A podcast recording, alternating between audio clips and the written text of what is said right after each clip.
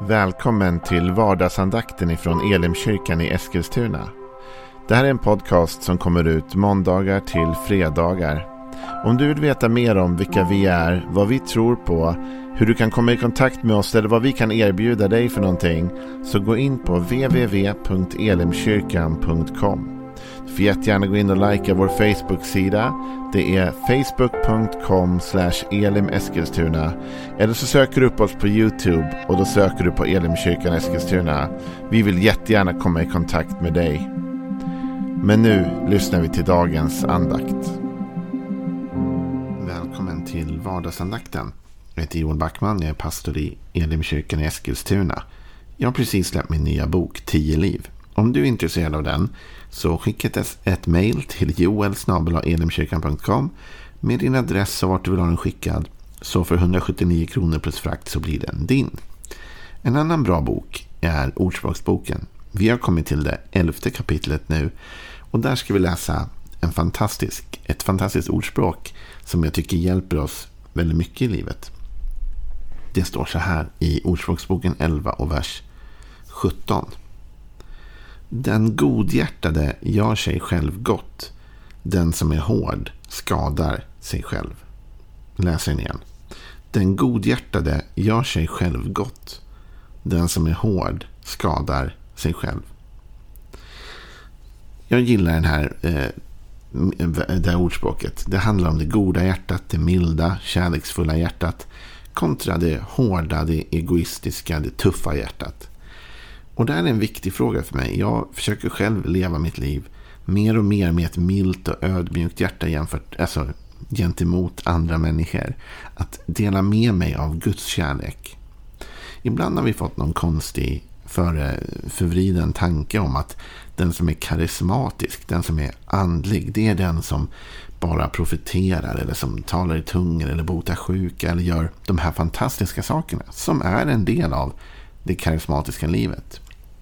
Men vet du, i Romarbrevet står det att Guds kärlek är utgjuten i våra hjärtan genom den helige ande. Alltså den som på djupet är karismatisk, det vill säga har med Guds ande att göra, är i sitt hjärta kärleksfull.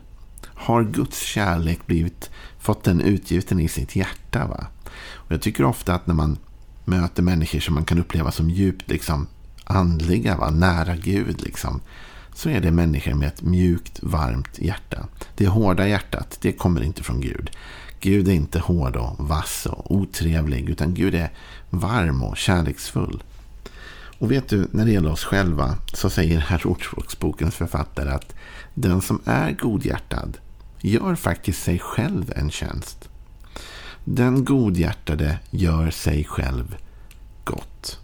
Det är lite märkligt va? Därför den som är godhjärtad har ju i regel andra i fokus. Den som är mild i hjärtat, kärleksfull, tänker på andra, ser andra, delar med sig till andra. Den personen, säger Bibeln, gör sig själv gott. Inte bara andra gott, utan sig själv gott. Däremot, säger Ordspråksbokens författare, den som är hård, alltså då underförstått mot andra, den skadar sig själv.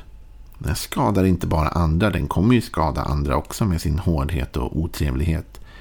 Men den skadar inte bara andra, utan den skadar sig själv. Och det ser man kanske inte först. Det tar ibland lite tid, därför resultatet av det här är inte direkt omedelbart. Alltså den som är godhjärtad kanske inte alltid får ett godhjärtat bemötande tillbaka direkt. Men över tid liksom med, med tidens gång så kommer man se att den som har sått ut godhet kommer också få skörda tillbaka godhet. Den som går in på sin arbetsplats med ett leende på läpparna och alltid säger god morgon till alla och alltid är trevlig mot alla, alltid delar med sig och hjälper andra, liksom delar med sig både av kunskap men av saker också. Den personen kommer förr eller senare verkligen bli uppskattad på sin arbetsplats. Jag lovar dig att den som är där med en godhjärtad attityd kommer vinna i längden. Den som är hård däremot kan ju tillfälligt liksom vinna resultat. va? Men inte i längden. Faktum är att versen efter Ordspråksboken 11 tar upp den aspekten också. Den onde, står det, gör en bedräglig vinst. Men redbar sådd ger säker skörd. Vad betyder det? Det betyder att visst, med eh, onda avsikter och med ett hårt hjärta och med dåliga, dålig attityd kan man ibland uppnå en vinst. Alltså jag kan få det gjort. Jag kan hota någon till att göra något som behöver göras. Jag kan vara en typ av chef som går in och alltid skrämmer mina anställda och utmanar dem på ett väldigt negativt och elakt sätt. Och det kan uppnå ett visst mått av resultat. Men, säger Ordspråksbokens författare, det gör en bedräglig vinst. Det är inte hållbart i längden. Det kommer till slut skada dig själv. Ingen vill jobba för en sån person. Ingen kommer i längden prestera bra i en sån miljö. Till slut blir det självförvållat eh, problem. Men den däremot som gör en redbar sådd, det ger säker skörd. Alltså med andra ord, den som är då godhjärtad bygger med tiden upp ett gott resultat. Kanske att den hårdhjärtade ibland når fram fortare. Men den godhjärtade når fram med ett hållbart resultat. En redbar skörd. Och eller en säker skörd som kommer på redbar sådd. Så jag vill uppmana dig och uppmuntra dig idag.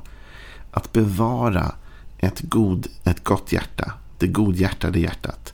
Det kärleksfulla hjärtat. Det omhändertagande liksom, hjärtat. Det är så viktigt. Därför du gör dig själv gott. Det här är ju inte bara Ordspråksbokens författare som har tagit fasta på. Utan kanske främst och mest framträdande är ju Jesus när han undervisar om detta. I det vi har kommit att kalla den gyllene regeln.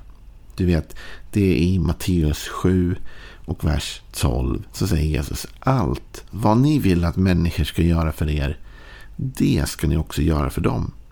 Det är vad lagen och profeterna säger. Gå in genom den trånga porten, ty den port är vid och den väg är bred som leder till fördärvet och det är många som går in genom den. Men den port är trång och den väg är smal som leder till livet och det är få som finner den. Vet du? Jesus talar här om att göra för andra som, som vi vill att de ska göra för oss. Och jag har svårt att tro att du eller jag egentligen vill att människor ska möta oss med hårdhet. Att människor ska vara elaka mot oss eller, eller tuffa mot oss på ett negativt sätt. Att de ska tvinga oss och, och driva oss på ett sätt som är obekvämt och obehagligt. Det vill vi ju inte. Och då ska vi inte heller utsätta andra för det.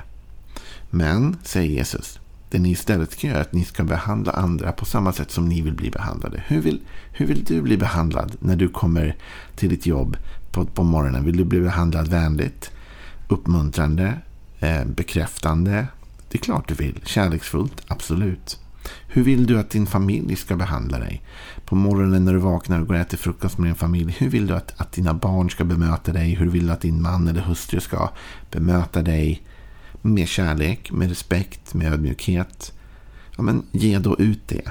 Du gör dig själv en tjänst i längden. Om du är godhjärtad mot de som är runt omkring dig så gör du någonting bra för dig själv. Det finns faktiskt ett egoistiskt motiv i grunden till och med för att göra det goda mot andra människor. Du bygger upp ett stabilare, ett bättre liv, mer värt att leva och som kommer att ge en fantastisk skörd. Kanske inte alltid direkt, men med tidens tand kommer du märka att det här var ett bättre sätt att leva. Och jag tänker ibland likadant vad det gäller våra församlingar faktiskt. Det står ju att den godhjärtade gör sig själv gott. Och jag tror faktiskt detsamma gäller församlingen. En församling som är godhjärtad, som har omsorg om människor, som ser människor, som bryr sig om människor. Som orkar med människor när de inte alltid räcker till eller lyckas. När de inte alltid presenterar sitt bästa jag. En sån församling i längden gör sig själv gott. Därför det kommer bli en attraktiv plats att vara på. För alla vill få vara där man blir bekräftad, där man blir älskad, där man blir sedd, där man blir omhändertagen, där man blir liksom uppmuntrad. Den miljön vill man vara i. Men den församling som är hård kommer i slutändan skada sig själv. För vem orkar söndag efter söndag gå till en församling där man blir utskälld eller nedtryckt och man påpekas bara ens brister, ens fel och, och liksom det pushas på ett negativt sätt. Kanske någon säger ja men det uppnår ett snabbt resultat. Människor vänder om när de blir utskällda. Det är möjligt. Men i längden kommer de inte vilja vara där.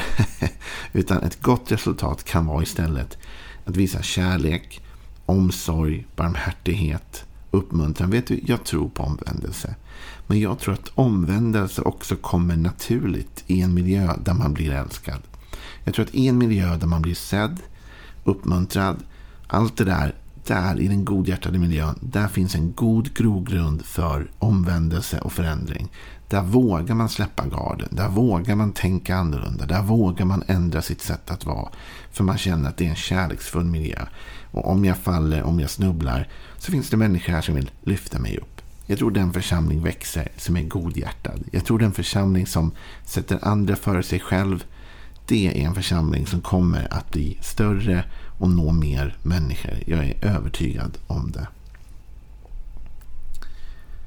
I Ordspråksboken 11, lite senare eller lite längre ner i det kapitlet så finns det ytterligare sådana här eh, uppmaningar. Det 25 versen säger En givmild människa får rikt igen. Den som mättar andra blir själv mättad.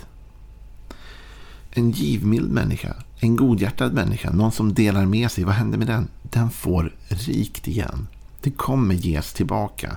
Den som mättar andra, alltså fyller andras behov, ger dem vad de behöver, den kommer själv att bli mättad. Och det här är så viktigt för dig och mig att förstå att det börjar med oss. Ibland kanske vi tänker att folk behandlar inte mig rätt. Jag tycker jag borde bli behandlad på ett annat sätt. Eller jag borde få liksom, möta mycket mer uppmuntran eller vad det nu är. Vet du vad? Det börjar med dig och mig. Börja du att ge ut detta i din omgivning. Och du kanske tänker, ja men människorna runt mig, de, de är inte värda att bli uppmuntrade. jo, det är de. Det är de absolut. För de är skapade till Guds avbild och de har gåvor som Gud har gett dem och de är unika. Allt det här. Och du kanske tycker, ja men de är ofta otrevliga mot mig och så. Ja, ja, det kanske är sant. Men börja du. Sätt en ny standard. Du, var du den som bryter ny mark. Och jag lovar dig, du kommer kanske inte få något positivt resultat på en gång. Kanske till och med att de hånar dig för att du försöker vara positiv och uppmuntrande och sådär va. Men med tiden vinner man. Den godhjärtade gör sig själv väl faktiskt. Bygger upp någonting gott. Med tiden kommer du segra. Med tiden kommer människor tycka att ah, men det där är ju faktiskt en otrolig människa som alltid uppmuntrar andra, alltid ser andra, alltid hjälper när det behövs hjälpas alltså, och som ger stöd och kraft och uppmuntran. Allt det där. Till slut vinner du när du tar en sån attityd. I romabrevet så vill Paulus i slutet av det brevet uppmuntra dem att hålla sams och se andra människors behov.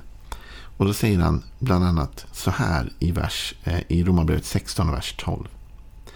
Jag uppmanar er bröder att se upp med dem som vållar splittring och lockar till avfall från den lära som ni undervisats i.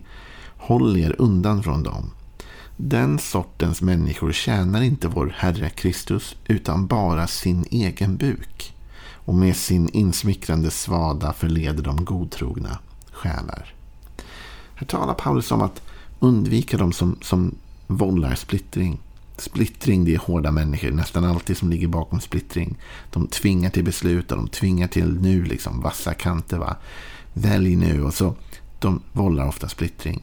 Och Paulus säger undvik dem för de tjänar inte Kristus.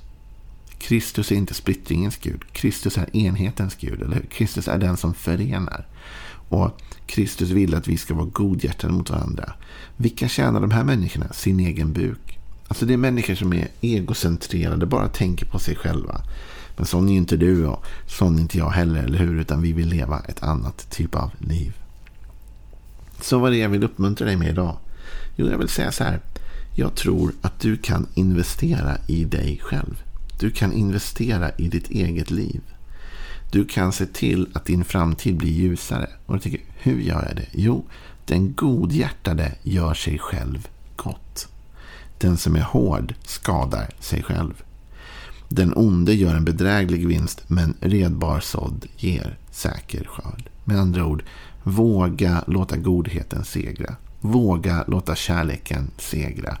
Våga låta ord som empati och sympati vara liksom ord som du lever efter. Du kommer märka med tiden att det ger tillbaka ett fantastiskt resultat. Den som är kärleksfull visar att den är en sann karismatiker. Att den har Guds ande utgjuten med Guds kärlek i sitt hjärta och man lever ut den kärleken.